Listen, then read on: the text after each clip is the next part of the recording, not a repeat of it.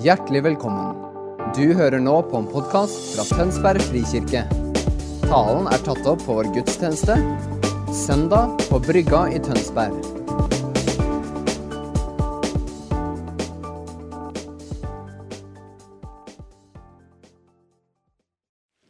Mens vi eh, sto i lovsangen her, så var det ett vers som eh, kom til meg fra hebreerbrevet, som jeg har lyst til å starte med. Hebreerne 12. Dere kjenner det veldig godt. Derfor, når vi har en så stor sky av vitner omkring oss, så la oss legge av alt som tynger oss synda, som så lett fanger oss inn, og med utholdenhet fullføre det løpet som ligger foran oss. Med blikket festa på Han som er troens opphavsmann og fullender Jesus. Jeg er så glad for dere at uh, Jesus er utgangspunktet for min tro. Og han er den som har satt seg fore å fullende min tro. Begge deler. Det handler ikke om at vi når vi sier ja til Jesus, starter på et punkt hvor vi får en oppgave, og så er det opp til oss å løse den. Han er vår tros opphavsmann og fullender. Og det løpet han har satt foran oss, den veien han har pekt i retninga, den veien holder vi lettest med blikket festa på han. Og det er det det skal handle litt om i dag. Vi er jo midt i denne, eh, dette semesteret hvor hele semesteret har overskriften 'Vi tror på Jesus Kristus'. Og i det dere, så er det en type sikring mot individualisme. Eh, hva som er sant for meg, det som kjennes riktig for meg. Og et ønske om å lene oss tilbake og over igjen i det som Kirken alltid har trodd, holdt for sant, levd etter og levd ut. Er dere med?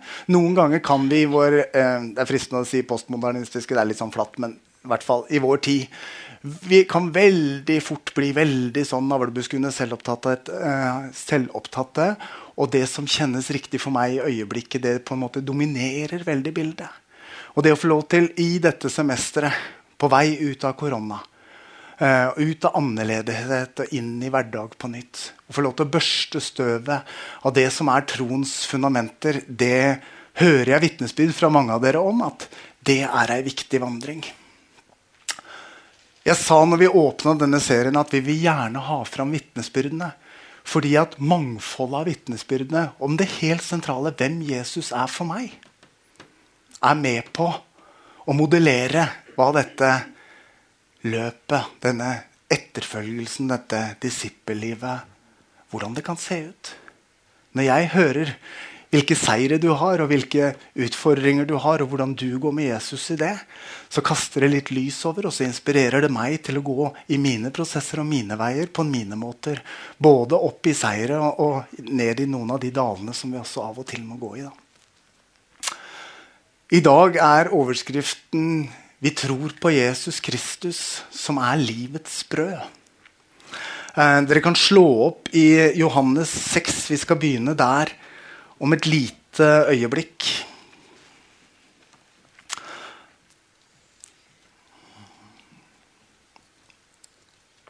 Nei, Vi går rett inn i det, og så skal jeg si litt mer etterpå. Jeg leser teksten først. Fra vers 22.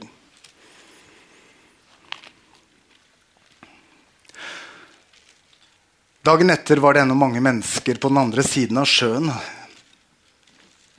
De hadde sett at det var bare én båt der, og at Jesus ikke var gått om bord sammen med dis disiplene. De hadde dratt bort alene. Noen båter fra Tiberias lå nå til nær stedet hvor Herren hadde bedt takkebønnen, og de hadde spist brødet. Da folket så at verken Jesus eller disiplene hans var der, gikk de i båtene og dro over til, over til Kapernaum for å lete etter ham der. De fant ham på den andre siden av sjøen og sa til ham, 'Rabbi, når kom du hit?' Jesus svarte, 'Sannelig, sannelig, jeg sier dere:" Dere leter ikke etter meg fordi dere har sett tegn, men fordi dere spiste av brødene og ble mette. Arbeid ikke for den maten som forgår, men for den maten som består og gir evig liv, den som menneskesønnen vil gi dere. For på ham har Far Gud selv satt sitt seil.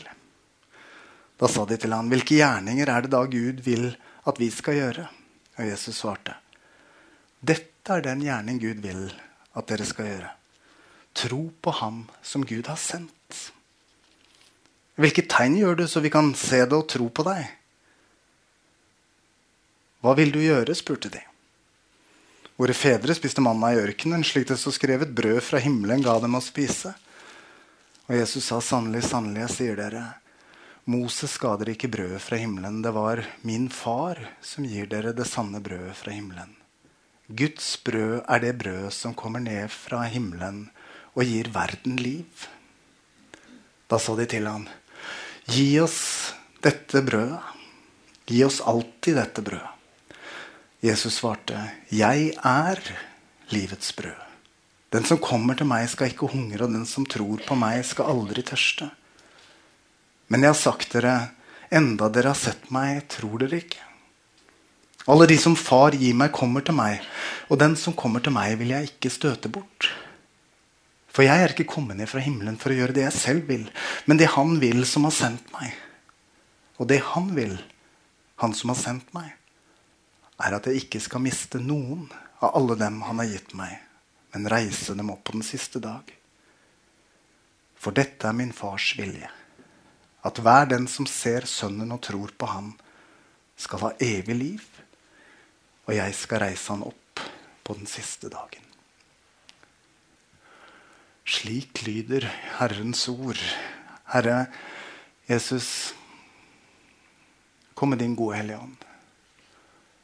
Gi lys, gi åpenbaring.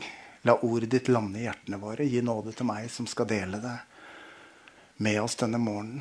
Og skap du, Jesus, i oss det du vil. Amen.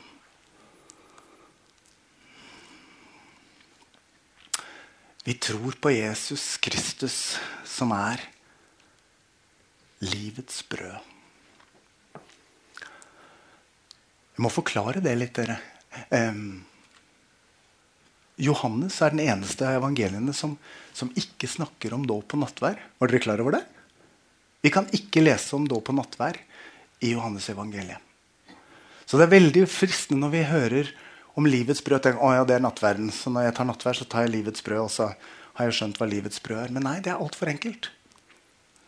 Når Johannes snakker om livets brød, så er det en mye, mye større kontekst enn å ta nattvær.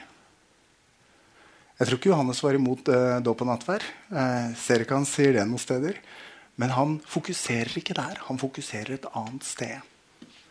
Og det ønsker jeg at vi skal gripe litt. Og den beste måten for meg å gripe det på, prøve å gripe det på, det er med å prøve å starte i en analogi.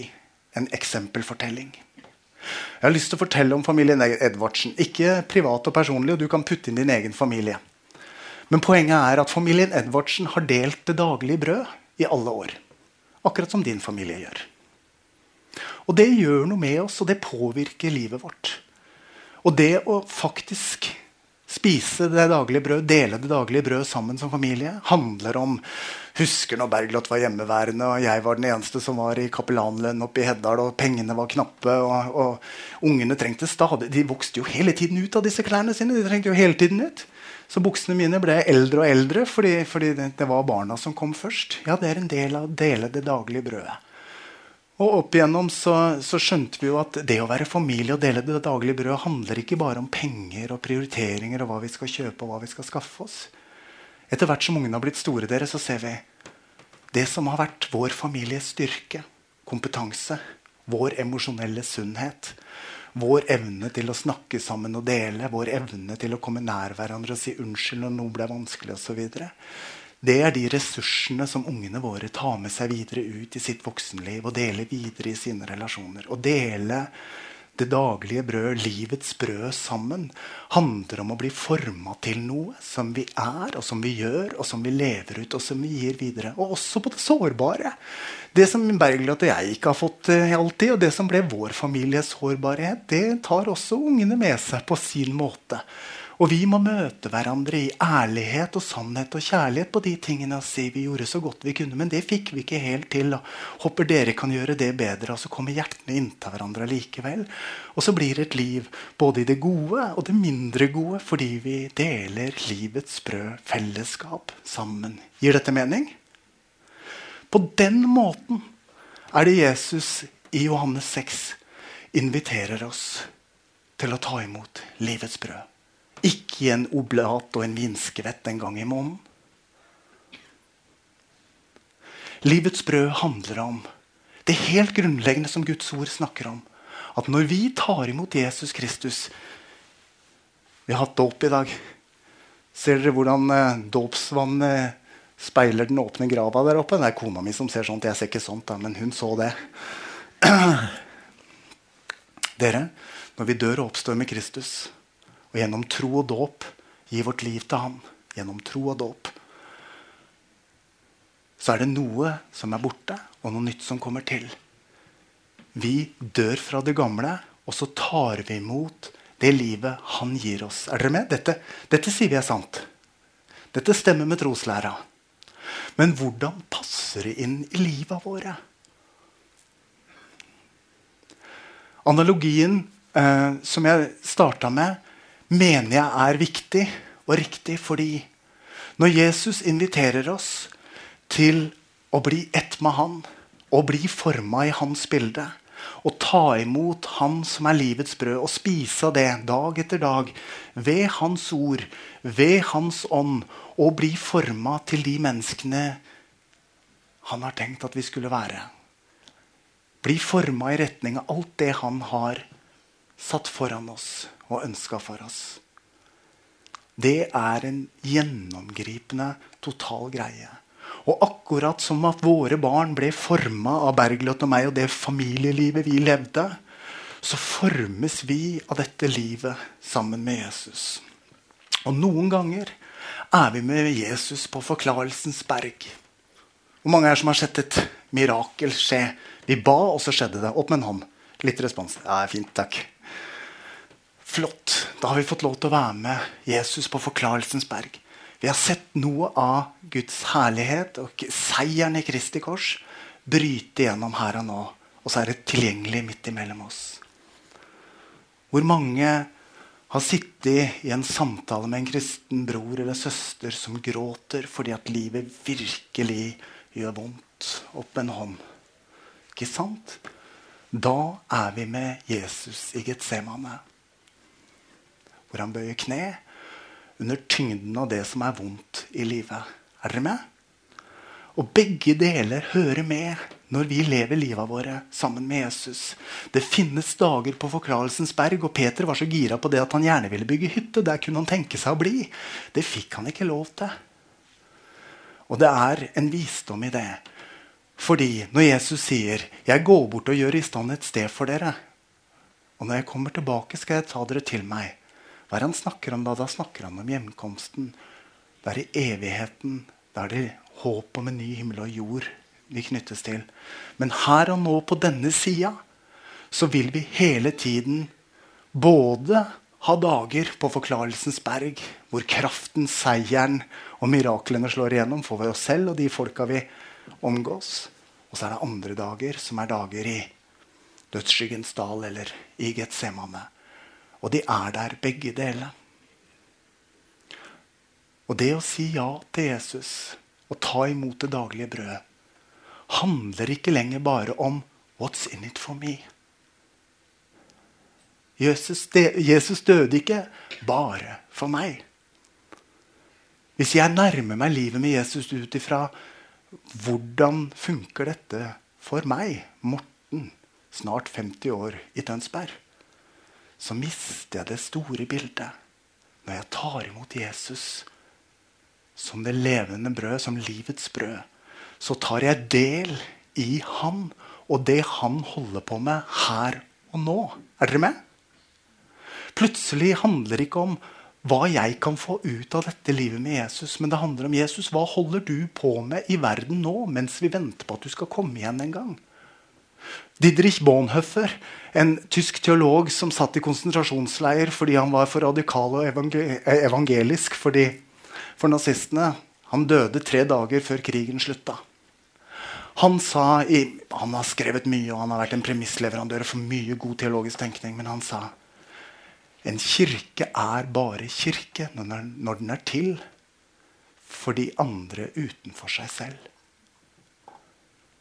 Hvorfor det? Fordi det er det Jesus holder på med. Han vil at alle mennesker skal bli frelst. Kirke er ikke noe vi gjør. Kirke er noe vi er. Vi kommer sammen for å utrustes til å leve det livet vi lever sammen med Jesus i våre hverdager. Kirke er en konsekvens av et oppdrag, ikke et mål vi skal utføre. Gir det mening? Når vi tar imot Jesus som livets brød, så sier vi ja til å være med han ut og forløse hans seier, hans håp, invitasjon. Eh, både be for syke, hjelpe de som har det vanskelig. Dele evangeliet, invitere mennesker til å ta imot Jesus. Men også til å lindre nød. Trøste et menneske som lider. Begge deler. Når vi nærmer oss Guds rike virkeligheten, dere, Hør det fra en som har vært veldig grepet av hvor mye av Guds rike kan vi få erfare her og nå. Det har prega de siste 10-15 åra av livet mitt. Og det var så mye mer jeg kunne få tak i enn det jeg hadde visst fram til da. Og samtidig er det alltid med en begrensning. På den ene siden skal vi etterjage mer av Guds rike her og nå. For det er så uendelig mye mer å få og motta ifra Jesus enn det vi har fått til nå. På godt og til gjennombrudd og til kraft. Og samtidig er det noe med også å gå med Jesus på de punktene som ikke ble til gjennombrudd. Der sykdommen kom og endte i død. Der helsa svikta og endte i uførhet. Der ikke gjennombruddet skjedde. Hvor er Jesus da? Han er akkurat der hos deg som erfarer det. Jesus er ikke bare på Forklarelsens berg. Han er også i Getsemane. I noen sesonger kommer han inn i våre liv med gjennombrudd og seier. Andre ganger er han der med kraft og med håp som bærer igjennom de vanskelige etappene og til nytt liv. Og dere, noen ganger fordi vår samtid og vår, vårt kulturklima er så fokusert på det jeg opplever, og det jeg kan erfare, og det jeg kan ta inn, så kan det hende vi av og til får briller som blir litt nærsynte. Og da har jeg lyst til å si til dere Skal jeg snart gå inn i teksten noen kjappe steg også. Hvis vi som troende ikke lever med evigheten i perspektivet, men bare med de 70-90 åra vi får lov til å oppleve her og nå, så er det mange vurderinger som blir annerledes. Om evigheten og Jesu gjenkomst får lov til å være viktig for deg. For dere, uansett hvor mange gjennombrudd vi får på denne veien her og nå, så skal vi alle runde av en gang. Håpet vårt er ikke knytta til det vi erfarer her og nå. Håpet vårt når vi tar imot Jesus som livets brød og sier vi vil leve livet vårt med han, er knytta til en evig framtid. Og i det siste boka i Bibelen, i kapittel 21 i åpenbaringen, så står disse nydelige orda. For jeg så en ny himmel og en ny jord. For den første himmel og den første jord var borte, og havet fantes ikke mer. Og jeg så den nye by, det nye Jerusalem, stige ned fra himmelen fra Gud. Gjort i stand og pynta som en brud for sin brudgom. Fra tronen hørte jeg en høy røst som sa, Se! Guds bolig er hos menneskene. Han skal bo hos dem. De skal være hans folk, og Gud selv skal være hos dem. Og døden skal ikke være mer. Heller ikke sorg eller skrik eller smerte, for det som før var, er borte. Han som sitter på tronen, sa da til meg, Se, jeg gjør alle ting nye. Dere, der er håpet vårt. Der er det håpet ingen kan ta fra oss. At vi foreløpig får gjennombrudd ved at sykdom blir til helbredelse. Halleluja, vi vil ha mer av det. Men når livet bryter på på ulikt vis i våre liv, så er det fremdeles et håp der som har sin forankring utenfor dette livet. I den framtida vi som kristne har en retning mot. Og jeg, dere vet, jeg kommer fra Den norske kirke. Jeg kan jo nesten ikke forkynne i gjenkomsten. Vi har jo ikke det i tradisjonen vår. Er dere med? Men det griper meg om dagen hvor viktig det er at vi åpner det perspektivet på nytt. Hvis ikke evigheten er det vi går mot, så vil beslutningene våre her og nå bli justert en tre-fire grader utafor målskiva stadig vekk.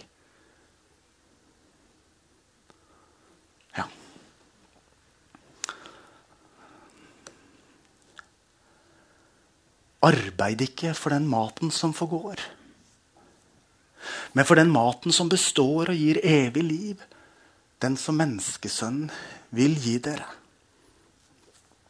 Dette utsagnet fra Jesus treffer oss stadig midt i magen, tenker jeg. For det er så utrolig mange ganger vi holder på med ting som ikke gir liv i det hele tatt. Det er så mange ganger vi holder på med prosjekter vi mener er viktig. Anskaffer oss det vi mener vi trenger. Opplever det vi mener at vi må oppleve. Osv. osv. Og alt det der er for så vidt ikke galt. Men hvis det bare er det, så ender det som forkynneren sier, i et jag etter tomhet. Disse folka vi leser om som hadde slått følge på veien og, og, og, eller tatt veien over Genesaretsjøen for, for å finne Jesus igjen. Genesaretsjøen er ganske svær. Vi skal om et øyeblikk til, til Israel med bibelskolen. Jeg gleder meg til det. Det blir min første reise. Men jeg har skjønt Genesaretsjøen er veldig stor. Det er drøyere enn Vestfjorden eller Vrengensundet. for å si det sånn. Sånn at det var et eller annet som må ha grepet hjertene deres siden de tok båten og rodde over hele Genesaretsjøen for å finne ham. Og når de møter Jesus, så viser jo Jesus at han har gaven til å prøve å dømme ånder og hva som bor i mennesker. For han sier dere kommer ikke fordi dere så et tegn. Et tegn på hva da, Jesus? Et tegn på himmelen, selvfølgelig. Et tegn på evigheten. Et tegn på at håpet var brutt igjennom rett foran dem. Men Jesus sier nei, nei, nei, dere kom fordi dere fikk mat og spiste. De syntes det var veldig greit med en fyr som kunne gjøre veldig lite mat til mye mat. Den forsørgelsen, den høyrentekontoen, fond, den fondplasseringa vil jeg ha også. Jesus, du er ansatt. Så sier Jesus nei, nei, nei, nei, nei. Det handler ikke om det. Dere kommer fordi dere fikk mat i magen deres. Men hadde dere sett etter hva som var utgangspunktet og hva som var resultatet, nemlig tolv kurver fulle av mat Etter at dere var mette sammen med alle de andre 5000, så hadde dere skjønt at dette handla ikke om at du skulle bli mett i magen. Dette handla om at du skulle se. Og de tolv kurvene kirkes, Kirkehistorien har alltid lest inn som et, et skjult tegn på de tolv apostlene, altså Kirken. Som var som skulle være livets brød midt i verden. Som skulle være til for de andre og tilby et håp om evig liv for alle de menneskene som enda ikke har fått lov til å tro og ta imot ham. Er dere med? Så sier han, arbeid ikke for den maten som forgår, men for den maten som jeg vil gi, som gir evig liv. Og jeg blir aldri trøtt av å si dette her, dere, at alt i relasjon til Gud er nåde. Alt i relasjon til Gud er gave. Det var derfor jeg starta med hebreerne også. Ja, det, det, fikk jeg, men det går inn i dette. er det jeg mener å si. Dette er den gjerning Gud vil at dere skal gjøre. Tro på Han som Gud har sendt. Ja, Men dere, tro er jo ikke noe vi kan få til. Tro er bare noe vi kan få ta imot. Hvordan kan vi få ta imot tro? Jo, ved at Den hellige ånd begynner å nappe hjertet vårt. Og vi kjenner at å, jeg lurer på om ikke jeg må åpne meg for den virkeligheten at Gud fins. At han er glad i meg. At Jesus faktisk døde for min skyld. I det øyeblikket det napper, og de tankene kommer til deg, så er det ikke du som er kreativ og tenker nye, fine tanker. Men det er Den hellige ånd som begynner å røre ved hjertet ditt for å dra deg hjem. Og når du på et eller annet tidspunkt har sagt ja, eller kommer til å si ja til Jesus, så er det ikke fordi at du er så flink og har fått hele troslæren til å gå opp, og du skjønner at Nei, det er de, fordi du får nåde til å ta imot troen. Og i det øyeblikket det tar imot troen, så er det som å dra fra gardinene i et mørkt rom, og så strømmer lyset inn. Og så ser du det du ikke så før, og så går det opp det som ikke gikk opp før. Og alt tullsnakket om han Jesus gir plutselig totalt mening, fordi han er livet, veien og sannheten for oss. Alt er av nåde. Og når vi har fått komme dit, så er også veien videre bare av nåde. Noe han gir oss. Han gir oss ny nåde for hver dag. Han gir oss ord å leve på. Han gir oss kraft og håp ved sin ånd. Han gir oss åndens gaver og åndens frukter, så vi kan være og bli alt det vi skal være og bli. Og Noen ganger kommer han også på ekstraordinært vis og forløser sine tegn og undre og mirakler. Gir oss leder, ledelse og forsyn som gir oss i stand til å gjøre valg vi ellers aldri kunne ha gjort. Hvis ikke det var for at Gud leda oss til det. Fantastisk. Og så er det skyggesida, da, dere. Når livet vårt av og til kommer inn i noen av disse dalføra. Noen av disse Getsema-hagebesøkene. Gud er der òg. La det ikke være en motsetning dere, mellom miraklenes Gud og trøstens Gud. Mellom Han som gjør alle ting nye, og Han som bærer all verdens nød. Når vi går til Gud i takk og lovprisning, når, når vi har noe å takke for, og vi går til Han i ærlighet og sannhet når vi har noe vi kjemper med, så vil begge deler både ære Han og føre oss lenger fram i det livet Han har kalt oss til å leve. Kan dere ta imot det? Jeg snakker ikke lettvint om lidelse. Lidelse er noe herk uansett i hvilken form det kommer. Men hvis vi går de vanskelige etappene sammen med Jesus, så blir det perler ut av det. Som ærer han og kan velsigne mennesker. Du og jeg får en helt annen emosjonell kapasitet til å møte andre mennesker hvis vi har gått sammen tøffe etapper med Jesus. Da åpnes våre hjerter for andre mennesker på en ny måte. Så blir vi til velsignelse, og så ærer vi Han med våre liv. Guds brød er det brød som kommer ned fra himmelen og gir verden liv. Jeg skal ikke si så mye om det. Alt jeg har sagt, handler om dette. Å ta imot brødet fra himmelen handler om å ta imot og leve med Jesus hver eneste dag og la han få lov til å forsørge oss. Dere, jeg starta med en familieanalogi. Og dere, vårt liv med Jesus er helt relevant å snakke om i familiemetaforer. For hva er det Bibelen snakker om? Hvilke bilder er det Bibelen bruker når de snakker om forholdet mellom oss som kirke og Gud? Jo, Bibelen snakker om brud og brudgom. Og dere Hvis livet vårt sammen med Jesus er som et ekteskap, som et paktsforhold, så vet vi alle sammen at vi kan leve i den ekteskapsramma, men å holde på med hver våre ting Da får vi lite ut av hverandre i ekteskapet. Og så kan vi leve i ekteskapet etter dens intensjon og legge hjertene inntil hverandre hver dag. Ivareta hverandre Bevare det som både er kjært og sårt for den andre. Og gjennom det la kjærlighet strømme til hverandre. Og det er det Jesus inviterer deg til. Å leve helt nært på ham. På en sånn måte at hans godhet og kjærlighet strømmer inn i livet ditt hver eneste dag. Og så vil du se at han er den som verner om det som er sårt for deg. Og han er den som feirer det som er kjært for deg. Jeg kunne brukt mange eksempler på det fra eget liv. Men det er på ordentlig. Men hvis vi har levd i denne kjærlighetspakten med Jesus på en sånn måte at ok, vi, vi, vi har sagt ja, men vi vil helst gjøre mest mulig uten han, eller på siden av han, så går vi glipp av velsignelsen som han har ment for oss. Og akkurat som det er mulig i det naturlige ekteskapet mellom mann og kone, så er det også mulig i den kjærlighetspakta mellom Jesus og hans brud. Og jeg opplever at når Jesus sier 'ta imot', livets brød. Jeg er livets brød. Så er det invitasjonen til å holde blikket festa på ham. Og i alt og i alle ting velge å leve med ham, for ham, ut fra ham. Ja. En siste. Den er litt tøff, men den er viktig. Gi oss dette brødet, sier de da når Jesus har snakka litt. Jeg er overbevist om at sult og tørst og lengsel er noe Gud har lagt ned i oss fra skapelsen av for at vi skal strekke oss mot ham.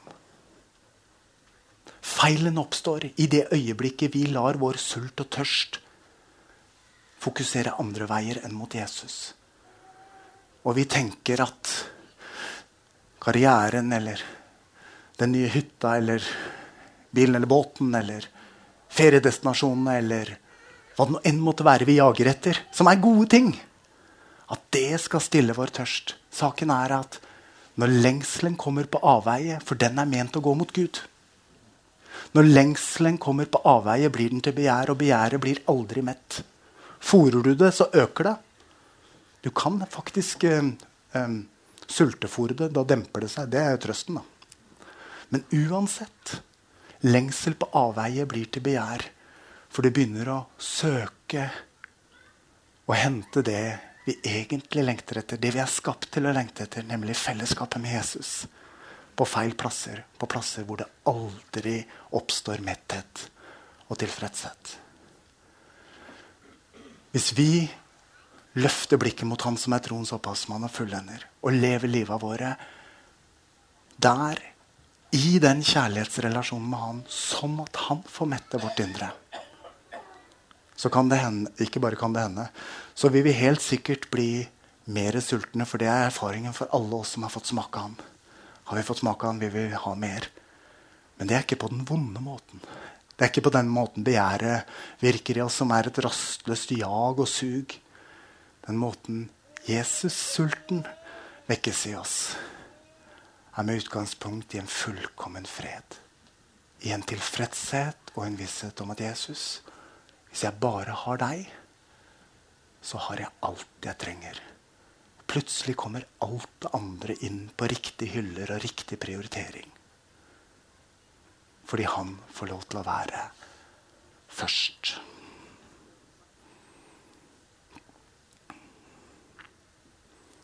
Jeg skal gå mot avslutning. Gud vil at vi at alle mennesker skal bli frelst. Og Jesus sier et løfte her i dag at alle de som kommer til meg Alle de som far gir meg, kommer til meg. Og den som kommer til meg, vil jeg aldri støte bort. Lovsangsteamet kan komme opp. Vi skal gå mot avslutning. Det Gud har lagt på hjertet mitt og inviterer dere til i dag, er to ting. Hvis du har levd i paktsrelasjon med Jesus, men på en måte fokusert alle andre steder, og istedenfor å være der, at du løfter blikket mot han og tar imot av han hver dag, i hans ord, ved hans ånd, så tror jeg det er en invitasjon til å komme nær. Å leve i en paktsrelasjon og gjøre minst mulig ut av det, er å miste mest mulig. Men når vi kommer helt nær til Jesus, og han får lov til å la sitt levende vann, sin ånd, sitt håp, sin kjærlighet, sin kraft fylle våre liv, justere våre perspektiver og sette kursen på våre liv, så kommer vi til den plassen hvor håp og liv og glede spirer fram allerede her og nå. Og så vil det alltid allikevel ha evigheten med i synsramma. Det fins en vei fra tro og dåp gjennom død og til en tom grav. Og legg merke til i en av evangeliene um, La meg se. Jeg skal finne det fram for dere.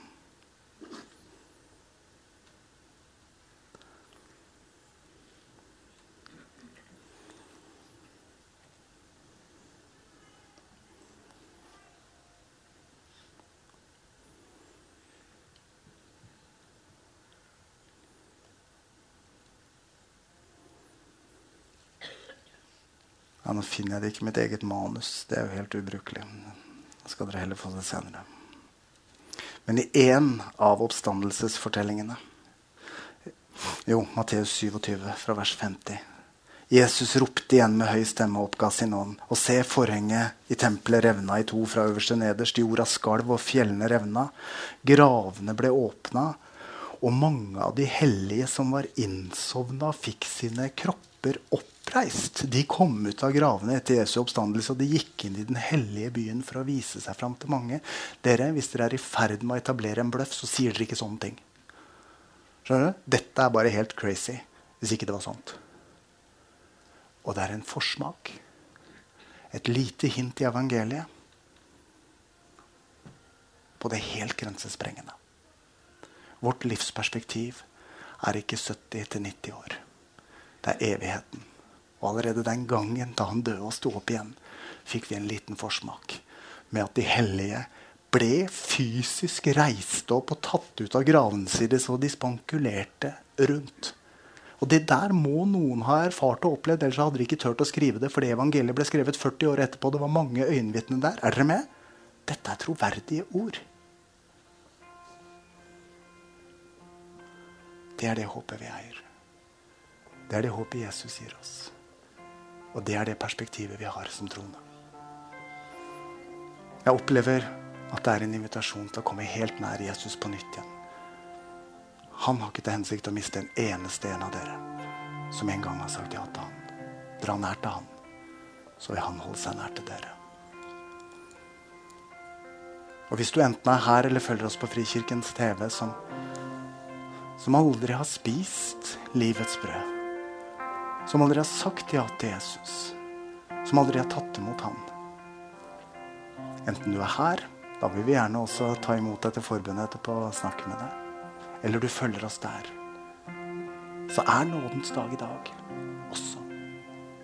Hvis du kjenner at det napper i hjertet ditt å si ja til Jesus, og få livet og perspektivene i livet endra, og få en følgesvenn gjennom livet som både hjelper deg gjennom de tunge kneikene, gir deg gjennombrudd du aldri kunne få på egen hånd, men mest av alt forankrer ditt liv i et evig håp som ingen kan ta fra deg så går det an å be en enkel bønn som det er. Jesus, kom inn i mitt hjerte. Takk at du døde og sto opp for meg. Tilgi meg mine synder. Kom inn i mitt liv. Fyll meg med din ånd. Jeg vil leve med deg som Herre og Frelser i mitt liv. Og gjør du det, så har det nye livet, evighetslivet, begynt i dag. Så la det være invitasjonen så skal jeg be en bønn. Og så er dere velkommen til forbønn også etterpå.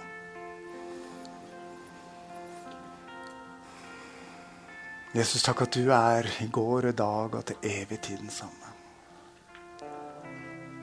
Takk at du står for oss nå med fullkommen kjærlighet og inviterer oss til på nytt å ta imot deg. Og drikke, spise og åpne hele livet vårt og hjertet vårt og si, 'Jesus, kom og fyll vårt indre med deg og den du er.' Sett en retning for vårt liv. Gi oss nåde til å leve for deg og de du sender oss til. Fri oss fra vår egen sjølopptatthet. Og sett vår kurs. Sett livet våre på den kursen som du vet, Jesus, at fører til det gode både her og nå og for evigheten så ber jeg Jesus om velsignelse over hver og en som kjenner i sitt hjerte at du napper og drar og inviterer. Herre, ta de hjem inn til ditt hjerte og gi dem del i frelse og håp om evig liv. Amen.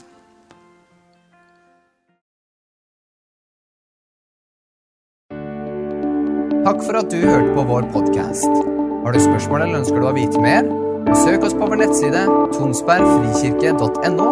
Du er også velkommen til kirke på Brygga i Tønsberg.